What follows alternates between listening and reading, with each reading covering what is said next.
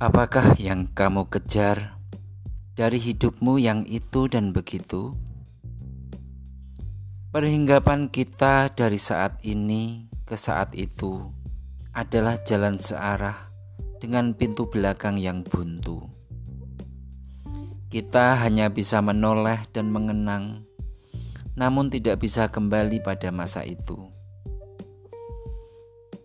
dengan impian dan keinginan, tentu setiap tindakan menjadi penentu untuk masa depan yang tidak pernah kita tahu.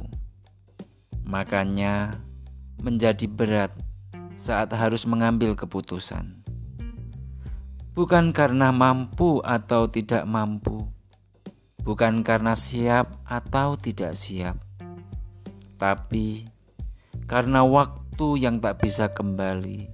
Jikalau jika apa yang kita mau ternyata keliru, dan kita tidak ingin dalam kondisi itu.